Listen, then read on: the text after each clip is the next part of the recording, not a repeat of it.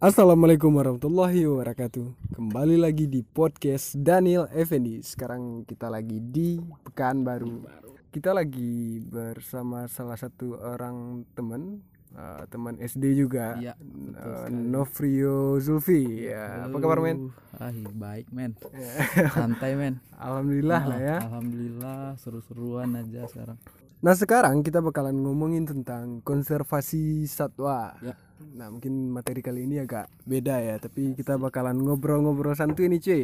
Ya ngobrol santuy. Seruput dulu. Seruput boleh. Dari data yang gue dapat Ya ada ada data yang gue dapat. Jangan-jangan punya gen juga nih. Oke. Itu Novrio Zulfi ini pernah berperan di beberapa komunitas mungkin ya, NGO. ya NGO nanti kalau gua salah lu tolong koreksi men Eh siap. Nah, yang pertama gue pernah dengar kalau Novrio Zulfi ini adalah pernah menjadi anak magang Iya. di WWF, anak magang bandel, anak magang WWF. Apa itu Wat- Eh, WWF? Oke, jadi dia kayak sebuah yayasan konservasi besar sih. Dunia juga fokusnya sih kayak konservasi satwa juga sih dulu di sana. Jadi di sana itu gua magang ya, Bro. Gua magang di sana. Oh, magang? Heeh.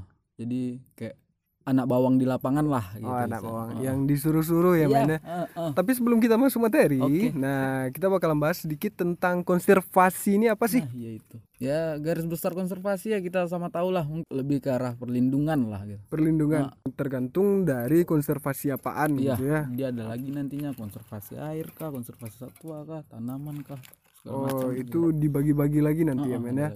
Terus eh, dari data yang gue dapat, pernah menjadi sekretaris penggiat alam Himpunan Penggiat Alam Duri Ya.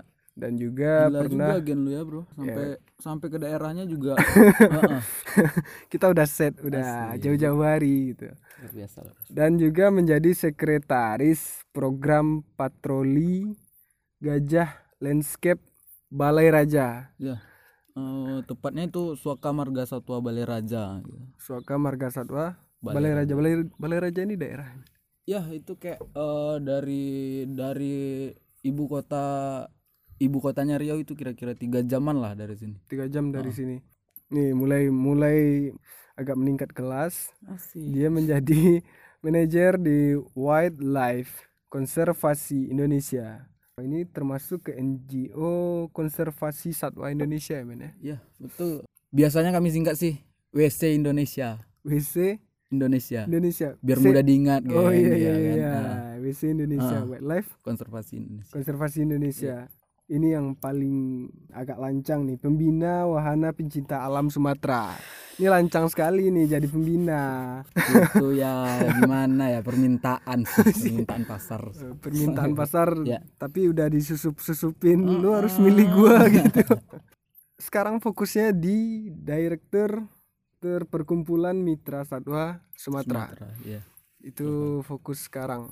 Mm-mm. Jadi setelah beberapa eh, perkumpulan komunitas komunitas Yayasan. yang pernah dia telusuri nggak tahu sih ya entah karena ini anak nggak mau diatur entah emang Asik. track recordnya emang udah Ya, bagus kita ya, nggak tahu ya. ya ya dan sekarang dia menjabat sebagai direktur ini anggotanya entah ada enggak tapi sekarang kita mau nanyain dulu lah. Sebenarnya apa sih men perkumpulan mitra satwa Sumatera itu? Oke pertanyaannya sih oh ringan-ringan sedap sih sebenarnya gitu. Ah, jadi biodatanya kalau kita lihat sekali kalau kita lihat saat ini gitu. Perkumpulan mitra satwa Sumatera. Awalnya sih sedikit cerita sejarah Iya, sejarah iya, seru boleh, ya boleh. kan? Sambil ngopi nih enaknya kita cerita masa lalu ya kan? Iya. Asal jangan masa lalu sama mantan suatu malam itu Suatu beberapa kak iya sih. Eh, ada beberapa penggiat konservasi yang ibaratnya tuh senior seniorku lah gitu ya. Hmm. senior seniorku yang kita lagi ngopi ngopi ini segala macam dan kebetulan obrolan juga soal konservasi ini keluh kesah mereka di dalam dunia konservasi saat Dalam ini gitu. ya. Iya betul. Akhirnya kami jadi punya satu visi visi yang sama yang akhirnya kami bentuk yang namanya perkumpulan itu tadi gitu Oh, lu bikin Ah, ah. perkumpulan Berarti ini berawal dari keresahan. ah, ya, keresahan terus setelah diskusi panjang lebar setelah beberapa tahap terus cetus ide buat diri ini nih perkumpulan mitra satwa Iya. Sumatera. betul sekali bro seperti itulah kira-kira lo tau lah kalau sekarang ini kayak kita ngumpul kalau hanya sekedar ngumpul kan kadang ya sia-sia ya kan Iya. Nah, jadi Habis cerita nggak ada lagi ah, ah, kelanjutannya. makanya ibaratnya kan di kedai kopi kita narasinya actionnya ya harus ada gitu. ya, tapi kalau nggak ada aksinya, cuma sih tapi semoga ini mudah-mudahan golnya bagus golnya bagus ya. Nah berbicara tentang konservasi ataupun perlindungan ini, lo fokusnya di konservasi mana nih? berkiblat kan ke IUCN itu tadi yang di mana dari organisasi internasional juga sih gitu Heeh. Dia bergerak di eh, konservasi alam sama biodiversity jadi mereka meletakkan ada list empat satwa Indonesia yang wajib untuk kita lindungi sih sebenarnya. Wajib. sebenarnya sih semua ya kan Ya, cuman kan ada yang udah diambang kepunahan juga seperti gajah berarti ini yang lebih urgent iya ya. Seperti betul gajah, Ah, harimau, harimau orangutan, badak juga dan juga badak. Ini yang paling urgent sekali. saat Dan ini Ah. Kita tahu sendiri lah jumlah-jumlahnya ada berapa bisa dihitung semuanya ya kan Nah, kalau berdasarkan nama perkumpulannya nih, Mitra Satwa Sumatera. Iya. Memang di khusus semua di seluruh provinsi yang ada di Pulau Sumatera atau gimana sih, Men? Nah sih harapannya sih kita bisa ya setidaknya se Indonesia lah gitu kan. Cuman kita nggak bisa muluk-muluk juga gitu. Hmm. Eh, gimana kemampuan kita juga. Saat ini mungkin kita masih berfokus di Sumatera karena Sumatera aja sih masih masih harus banyak yang kita benahi. Berarti gitu, masih kan. kewalahan Ah, ya. ah. Jadi Dan kita kayak kita kayak eh, step by step dulu lah gitu. sekarang kalau untuk di Sumatera kan ada 9 provinsi nih. Iya. Nah, yang sekarang udah masuk ke semua provinsi atau gimana?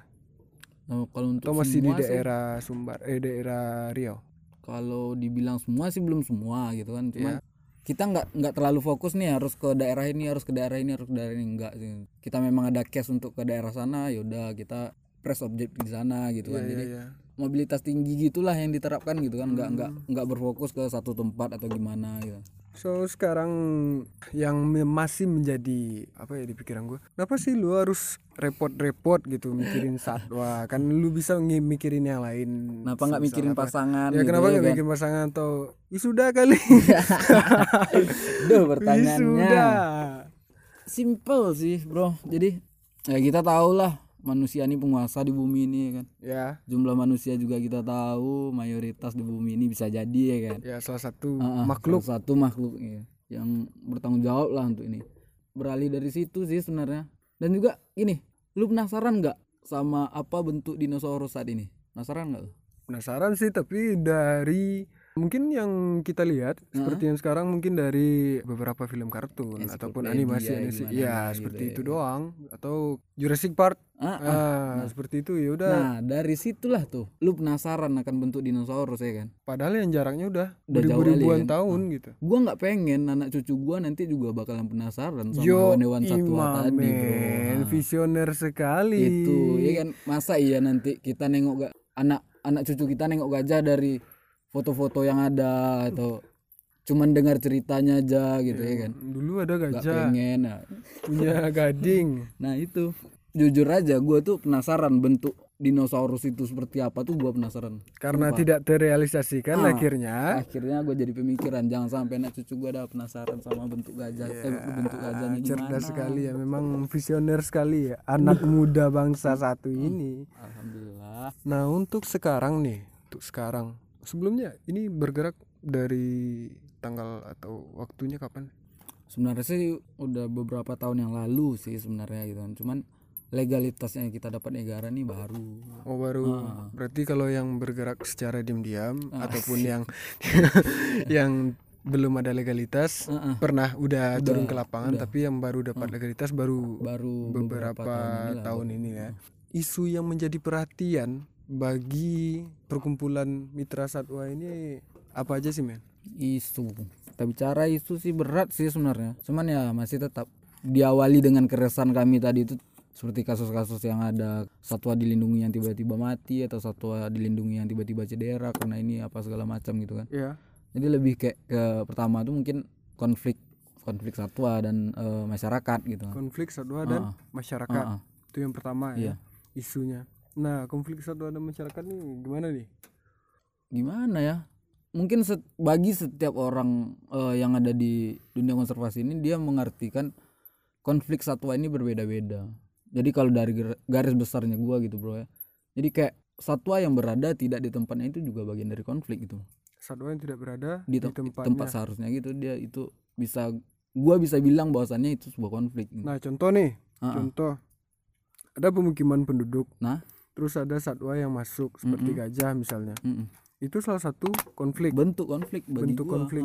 Dan ada juga sih yang ibaratnya itu dia mengatakan itu konflik ketika memang ada kerugian antara salah eh, satu pihak salah satu pihak gitu misalnya kayak dia masuk ke eh, pemukiman masyarakat dan melukai masyarakat nah ada yang seperti itu cuman bagi gua dia masuk ke pemukiman masyarakat saja itu udah bagian dari konflik gitu.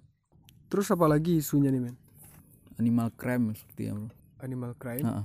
Perdagangan? Bisa jadi perdagangan satwa pembunuhan apa segala macam yang ibaratnya kayak membuat cideranya satwa-satwa dilindungi itu tadi ya. Kita tahu sendiri bro beberapa beberapa waktu belakangan ini terlalu banyak kasus soal satwa yang mati diracun mati ditembak atau mati di eh, ini jerat gitu kan. Iya. Ah, jadi dan sebelumnya sih juga kita lebih fokusnya ke sini sih sebenarnya sebelumnya gitu kan. Eh, di dari mulai 2018 itu 18 awal itu udah kawan-kawan eh, udah ini udah riset? Eh, bukan riset sih udah berkecimpung di sini gitu. Oh dikarenakan adanya semacam perdagangan hewan Ya, yang dilindungi. seperti bagiannya nih misalnya gading. Gading Nah, ah. aja dijual baik itu di pasar gelap Ya. ah, salah satunya mungkin pasar gelap ya ya ya, ya. itu yang menjadi keresahan mungkin ya, Mm, Men, ya. mm. ya kita tahu sendiri bro nggak ada habisnya ada aja terus berita-berita yang kita dengar atau kita tahu tuh dia ngejual ini dia ngejual binatang ini dia ngejual hewan ini gitu kan apalagi kalau kayak kelas-kelasnya burung gitu kan Iya, iya, iya. udah kecil ya Dan, kan harga ah. mahal ya siapa yang nggak tertarik bro ya kan dan malah nantinya dijadiin mata mata ah cenderamata juga ya serba salah sih bro sebenarnya di satu sisi mereka beranggapan ya itulah mata pencarian mereka. Cuman ya kita semua juga tahu. Bahkan dia sendiri bahkan juga tahu itu eh, tindakan mereka salah gitu ya kan. Iya iya iya. Nah, nah itu tadi. Makanya kita fokus bagaimana membina yang namanya kayak ah ini sedikit cerita bro. Jadi pernah yang nam eh, pernah kami ke lapangan itu bro. Jadi sepertinya kayak kami itu jadi pencerah mereka sih. Asik oh, bahasanya. semacam memberikan materi. Ah, ah. bukan bukan. Bukan memberikan materi. Jadi Bukan gini, materi. ah. Secara tidak langsung kami sudah merubah pola pikir dia. Caranya? Dia seorang pemburu dan pemasang jerat. Sebelumnya Ah, ah. kami project di daerahnya dia itu. Jadi sebuah kampung. Kita nggak nggak bisa sebutin juga kampungnya. Jadi oke kode eh, etik ya. eh, eh. jadi kayak ketika kami datang dan kebetulan warga desa dan eh, masyarakat desa itu yang ibaratnya yang menggambarkan kami itu kami harus menjumpai dia ini loh gitu. Dia yang tahu areal dia yang tahu Ah. ini gitu. jadi ujung-ujungnya kami tahu bahwasannya dia dia inilah yang biasa masangin jerat gitu masang eh, Pelaku ya? iya pelaku cuman ya dia eh, mengakui juga ke kita gitu bahwasannya dia memang masang jerat tapi tujuannya bukan ke untuk satwa itu gitu tapi tujuannya eh, ya seperti kayak babi gitu oh Ah. jadi ini dilakukan atas unsur mungkin karena dia punya ladang atau punya enggak bukan. sawah. jadi dia gini yang dituju dia tuh kayak seperti babi apa segala macam itu tuh ya untuk nanti dijual. Ya itulah mata pencarian dia. Tapi yang yang kena di sini adalah hewan-hewan yang di lindungi oh, itu tadi. lindungi Nah, itu tadi itu. oh gitu. Kan kadang ya di situlah kita gimana ngelihatnya itu memang harus benar-benar objektif jadi. Tapi setelah beberapa lama kami berjalan sama dia eh, dia juga ngikutin kita segala macam dikasih pemahaman apa segala macam sharing dan, ya? iya, sharing. Dan dia juga open ke kita. Jadi alhasil dia berhenti masangin jerat dia berhenti berburu karena kita kasih dia project kita kasih dia tugas kita kasih dia gambaran untuk ibaratnya dia nggak harus kayak gini lagi loh dia nggak harus eh, berburu lagi loh gitu Iya ya Ah, ah. jadi dan ini salah satu efek positif yang pernah teman-teman Ah, ah. lakukan Ya, seperti di itulah perlindungan mitra satwa jadi nggak sekedar kita mau ya kita tahu juga kebanyakan orang yang ada di kejahatan hewan ini segala macam tuh memang karena kebutuhan gitu kan. Ya Ah. demi Ya, kelangsungan hidup. demi kelangsungan hidup ya. Ibaratnya ya kita alihkan aja sih gitu. Kita punya kita punya kegiatan ya kita bawa. Kita ada kita ada project ya kita kita ini kita berdayakan lah Ya, gitu. Intinya lu rangkul masyarakat nah iya. terus dikasih semacam pengetahuan. Sebenarnya Mm-mm. dalam naluri mereka pun mereka, Mereka juga nggak- tidak terima Ah, itu ah, iya. tetapi mau tidak mau nah ah, karena akan kelangsungan hidup akhirnya mereka yaudah dia harus ngapain lagi iya, gitu itu. mungkin inilah salah satu cara ah, buat salah satu cara untuk merangkul gitu. ini ya merangkulnya juga selanjutnya kami fokus di kampanye sih bro dari kampanye Mm-mm.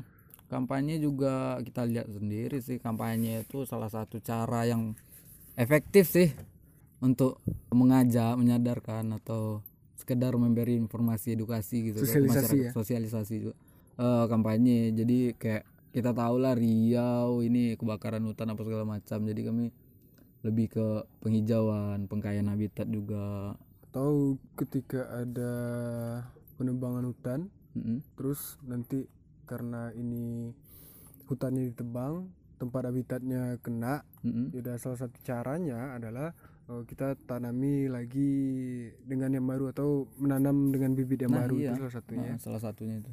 Cuman kayak gini, eh lucunya sih bro kayak gini. Kita tahu nih satu areal kita bisa bilang itu suaka marga satwa Mm-mm. Eh, dan itu sengaja dibakar. Kita nggak tahu entah itu korporasi yang bakar kah, entah itu masyarakat yang bakar kah, entah itu pribadi yang bakar kah, kita nggak tahu. Cuman padahal itu tempat udah memang udah jelas-jelas, iya, udah jelas-jelas itu tuh habitatnya satwa. dan semua orang tahu semua itu orang tahu pasti tahu itu gitu kan cuman lucu itu waktu kejadian yang itu tuh kami itu seakan balapan loh bro serius balapan siapa yang nanam duluan lu tau lah proses di sini kan mayoritasnya penanaman mungkin karet dan sawit ya kan? Ya ya kalau dia mau nanam sawit setelah kebakaran itu dia kan harus ngolahin dulu itu. Ngolah lahan itu tadi. Ah, ah. di kami juga berpacu dengan waktu ketika mereka mengolah itu kami udah harus siap bibit dan tanam. Seandainya kami telat mereka yang punya gitu. Eh, jadi Nah, bisa kebayang gimana rancu, Balapan ya? Ah, ah. balapan kami di situ gitu dan kami sadar itu momennya momen balapan gitu siapa yang cepat nanamin gitu. Dan akhirnya? Dan akhirnya yang menang? Alhamdulillah sih. Alhamdulillah kita, kita, bisa ini ya. Kita bisa cepat. Nah bantuan kawan-kawan lain juga bantuan dari NGO lain Oh, juga. dan ini tidak tertutup kemungkinan bagi baik itu kalangan masyarakat ya? Iya. Kalangan masyarakat juga berperan aktif. Pasti itu. mungkin dalam segi pengawasan dari misalnya dari teman-teman yang tidak sampai ke lapangan ataupun Hmm. mungkin ada kendala ada laporan dari masyarakat mungkin itu salah satunya ya men ya? Ya betul. Nah jadi kalau soal masyarakat bro kalau kita pikir eh, kalau kita bercerita soal masyarakat yang paling dibutuhkan dari masyarakat saat ini mungkin ya edukasi sih sebenarnya. Paling Edukasi. penting tuh edukasi. dan jadi itu base dari segala hal nah, sebenarnya gitu. Cuman kan kadang kita juga tahu mereka masyarakat juga nggak dari hati kecilnya loh pengen ngebunuh itu gitu. Iya, Nggak dari hati kecilnya loh ini harus harus begini harus begini gitu. Kita nggak bisa salahin masyarakat sepenuhnya juga sih. Kita juga harus ngaji kebijakannya juga apa segala macamnya juga. Ya kalau di- dibilang soal duluan mana yang hidup di lahan sana gitu kan. Kayak kayak kita punya Iya, iya, iya, satwa. iya. Kita bercerita nih. Ini sebenarnya habitatnya gitu kan. Cuma masyarakat ada di sana. Nanti masyarakat juga bakalan ini apa segala macam kan. Oh, duluan mana kami atau hewannya di sini? Mm-mm. atau kita yang bertanya kita mereka udah "Duluan dari mana?" nenek moyang loh Nah, ditinggal iya. di sini Ah, nenek ah. moyang kami yang nempatin gitu nah problemnya lagi kita bisa kita tahu nih eh, di sini ini ada jelas-jelas eh, habitatnya di satwa apa segala macam cuman di sana ada masyarakat terus konflik masyarakat masyarakat menyalahkan satwa gitu misalnya gitu kan kenapa dia Ah. masuk ke lahan kita kenapa gitu. masuk ke lahan kita gini segala macam ya jawabannya itu tadi gitu kan duluan mana terus selanjutnya pentingan hewan apa pentingan kita masyarakat? Kita nyari makan loh di sini. Ya di situ. Nah, gimana kayak itu eh, konfliknya pola pikirnya kita pola pikirnya masyarakat terhadap itu gitu. Gimana kita ngedukasinya loh. Gini loh gitu. Ibaratnya oke kita memang butuh kita hidup. Cuman kita juga butuh satwa tersebut. Nah gitu. Nah, sebenarnya yang menjadi penyebab dari kepunahan satwa ini menurut dari beberapa teman-teman yang udah lakuin apa sih, men? Sepertinya kalau kita kita nggak kaji yang sekarang aja ya Ya. jadi kita dulu tahu yang ada eh, ada yang namanya hewan nama megalodon dinosaurus ya kan Mm-mm. Nah, kita tahu sendiri akibat punahannya itu yang paling besar itu memang punahan alami gitu kan kayak karena siklus alam gitu yang membuat mereka punah gitu kan yang kedua mungkin manusia ya kan Mm. kita tahu manusia juga jadi penyebab baik secara langsung ataupun tidak langsung ya kan. Manusia tetap. Jadi kayak kita bicara kayak siklus alam itu tadi kayak kedudukan dia itu kayak gimana dia menambah menambah jumlah dia kalau ekosistem dia nggak bagus gitu. Ya kita tahu lah kayak dinosaurus punah karena perubahan siklus ya kan. Perubahan siklus. Itulah ibaratnya garis besarnya Garis gitu besarnya kan. ya. Gimana juga mau dibilang gitu kan. Memang udah saatnya itu memang udah memang udah punah gitu kan karena siklus bisa juga karena manusia Ya, selain sih selain selain dari kodrat Tuhan ya. kodrat Tuhan ya Selain siklus tuh lebih ke kod- kodrat Tuhan sih Ya. menurut gua ah. selain dari kodrat Tuhan ya itu mungkin beberapa Hmm. yang menjadi penyebab kepunahan dari Hmm, satwa ini ya paling- palingan sih kalau kayak ekosistem itu tadi ya seperti yang aku bilang tadi kan gimana dia mau bertambah jumlahnya gitu kan gimana dia mau berhubungan badan itu satwa kalau dia nggak punya tempat Iya kan kalau tempatnya aja nggak ada gitu atau habitatnya ya. pakannya juga nggak nggak mencukupi dia nggak sehat atau segala macam. kelangsungan hidupnya Kelangsungan itu hidup dia aja nol gitu ya Ah, ah.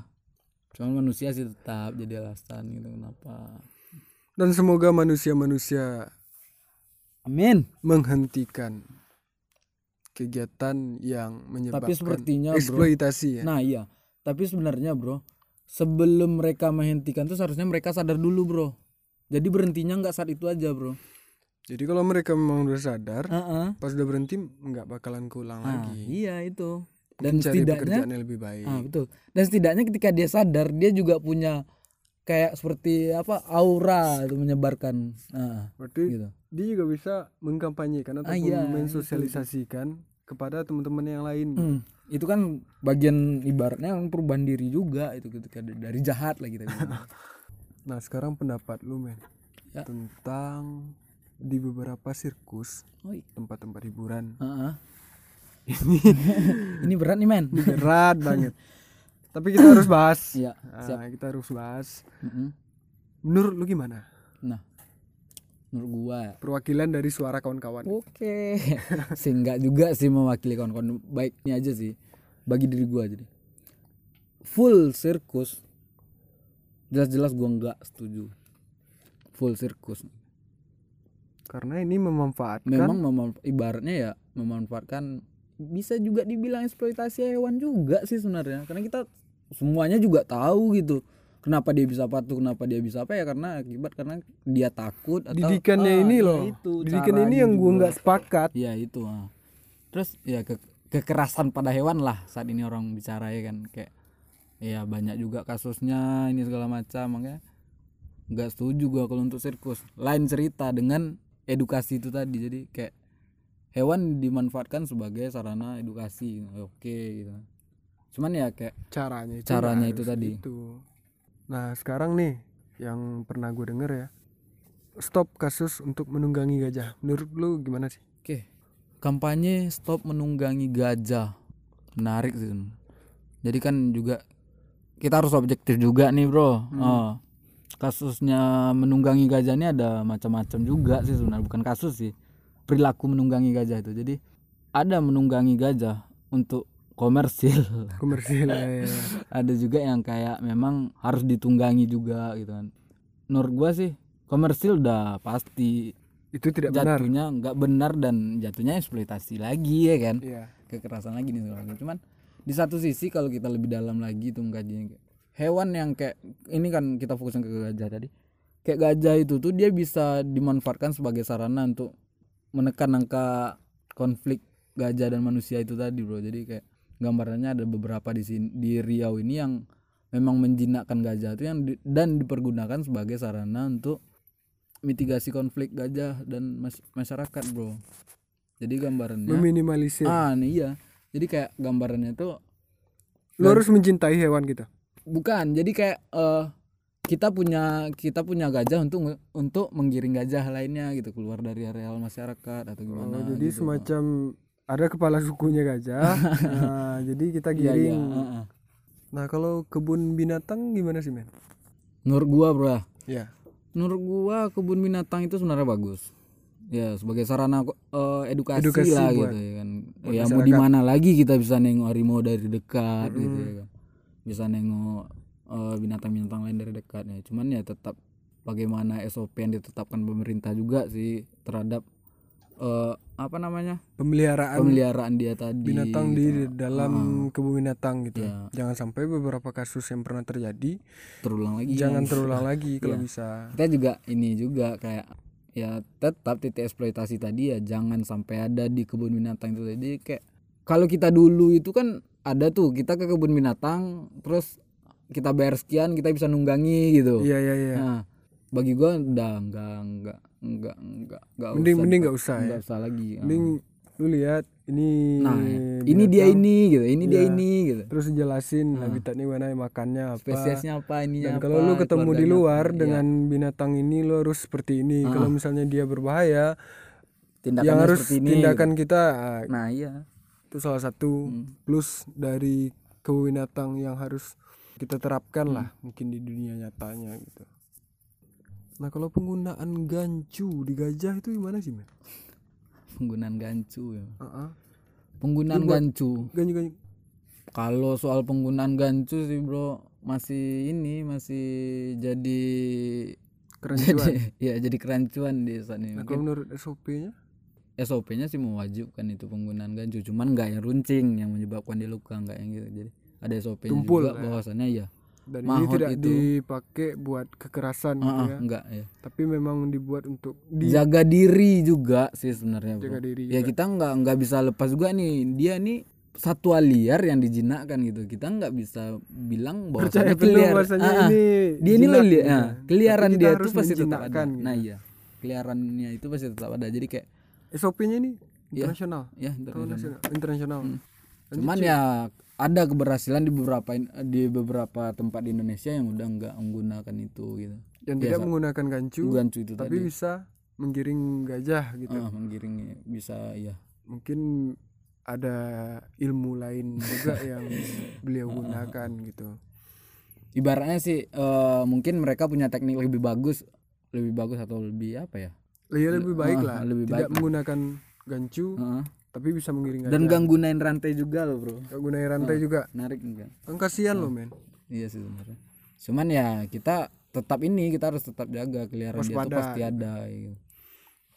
nah sekarang nih dari kegiatan perkumpulan mitra satwa Sumatera ada plus minusnya nggak Plus yang minus. dirasain Ya plus minus pasti ada bro. Jadi plus minus eh, asam pedas, asam pedas pahit ya. manis garamnya lupa bro. nah minusnya ini nih bro. ada plus pasti ada minusnya ya kan. Jadi kalau kayak pengalaman-pengalaman ya kalau minusnya sih banyaknya sih di lapangan sih sebenarnya. ya di lapangan gimana tanggapan masyarakat ke kita gitu kan kita orang baru yang ngedatangi tempatnya ini segala macam juga otomatis kadang belum diterima nah iya itu kita pasti kadang orang kan ada tuh yang nilainya cuma dari ngelihat di pertama lihat udah langsung ngejut gitu. iya iya Jadi iya. pernah kejadian tuh di di salah satu daerah. Nah, satu salah satu daerah di NGO juga itu yang ada yang sampai harus harus keluar dari daerah itu dalam waktu wak- dalam waktu singkat dengan ancaman harus akan di dibunuh. Ada juga pernah kejadian. Pernah? Ya jadi malam-malam itu eh dini hari itu dia udah udah ketakutan di sana gitu. Ibaratnya kayak dia ke daerah suatu daerah yang baru dan tanggapan masyarakat nggak bagus terhadap dia dan diancam bakalan dibunuh dan akhirnya dia keluar juga dari daerah itu pedalaman masih bro. Padahal yang kalian lakuin ini ya begitulah kira-kira. Kita kan nggak ya mungkin mereka merasa terganggu dengan adanya kita gitu. Dan salah satunya mungkin beberapa dapat ancaman ancaman juga bahkan juga pernah Eh, ancamannya juga ada, ada, gitu. ancaman pasti ada ancaman juga. Kriminal eh, ibaratnya tindakan-tindakan kriminal langsung itu tuh pasti ada dari kawan-kawan yang ada di lapangan itu segala macam ya. Ya yang pastinya sih pertama kali itu mungkin pandangannya itu yang yang paling ngerubah yang kondisi pertama. di sana yaitu Hmm, salah satunya itu yang pertama itu pandangannya nah lu bisa bayangkan enggak. nih bro misalnya gini lu belum belum belum ngomong apa-apa cuman udah diusir. Nah, nah itu. Itu yang paling sakit yang paling sulit. Kita belum belum assalamualaikum belum iya permisi. ah, itu. Pergi. Nah, sering kayak gitu. Karena kadang eh, kadang orang cuma nengok dari gaya pakaian kawan-kawan yang di lapangan itu punya Ah. kostum apa segala macam itu kan.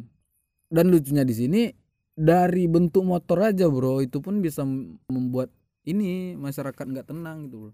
Dari bentuk apa yang kalian kita gunakan. pakai itu iya dari mulai baju kendaraan itu kan. Jadi kayak ada keresahan dari masyarakat oh mungkin ya sama juga kayak gimana ya?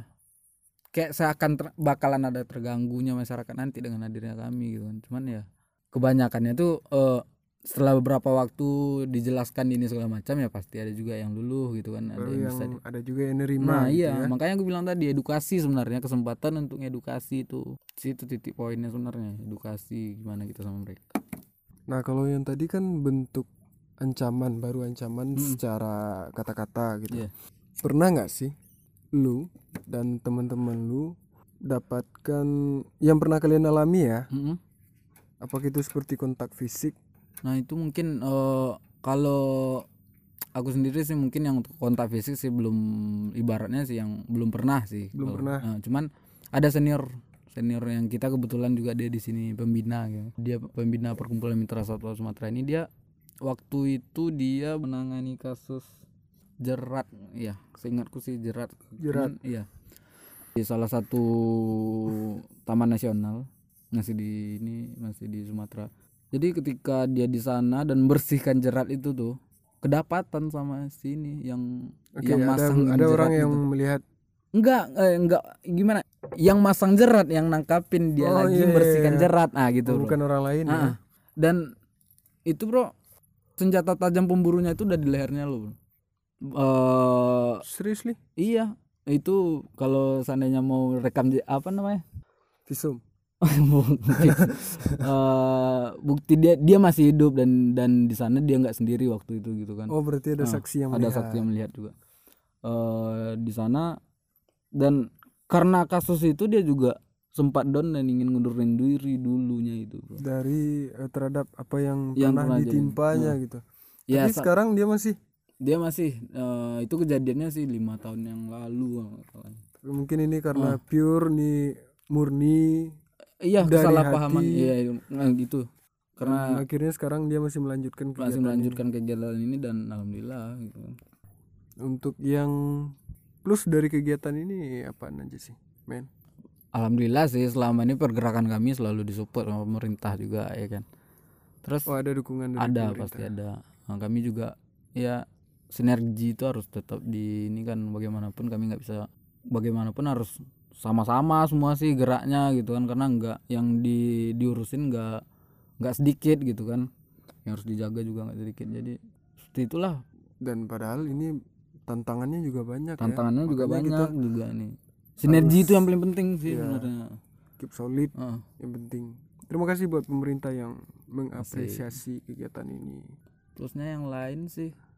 Gua dukungan pribadi dari ya, masyarakat dukungan dari masyarakat pasti pasti ada gitu kan Ada. ibaratnya cuman kita nggak ini eh, ibaratnya ya masyarakat Indonesia udah pada cerdas juga gitu kan. Hmm. mereka juga ya kebanyakannya sih udah udah merasa bahwasannya mereka masih butuh ini gitu kan. Iya iya iya. Masih butuh satwa segala macam. Bagi diri gua sendiri sih kayak ada kepuasan tersendiri sih gitu bro. Plus dari kegiatan ini. Ah, jadi ada kepuasan tersendiri ketika memang kita ngelihat ada satu perubahan gitu kan walaupun iya iya. Walaupun sedikit gitu. walaupun sedikit gitu kan kayak ah, nah ya, itu hasil yang lu terima Ah, ah. dari apa yang lu lakuin. Iya, walaupun sedikit. Walaupun sedikit. Nah ini yang terakhir nih yang Hmm. pengen gue tanyain. Mungkin ini secara pribadi lah. Harapan lu apa sih? Harapan gua? Ya banyak bro. Nikah salah satunya. Harapan buat dunia konservasi gitu Eh, harapan gua untuk dunia konservasi saat ini mungkin eh, yang pertama untuk penggiatnya ya penggiatnya yang tulus makin banyak ya kan itu harapan gua sekarang penggiatnya yang ibaratnya memang tulus itu makin banyak terus makin makin bisa gitu makin punya wadah untuk dia bergerak untuk di, di konservasi ini makin punya banyak kesempatan nah itu untuk orangnya gitu penggiatnya gitu kan semakin banyak Ah. kontribusi kontribusi Kontribusinya, iya. yang ada insya Allah gitu Hmm.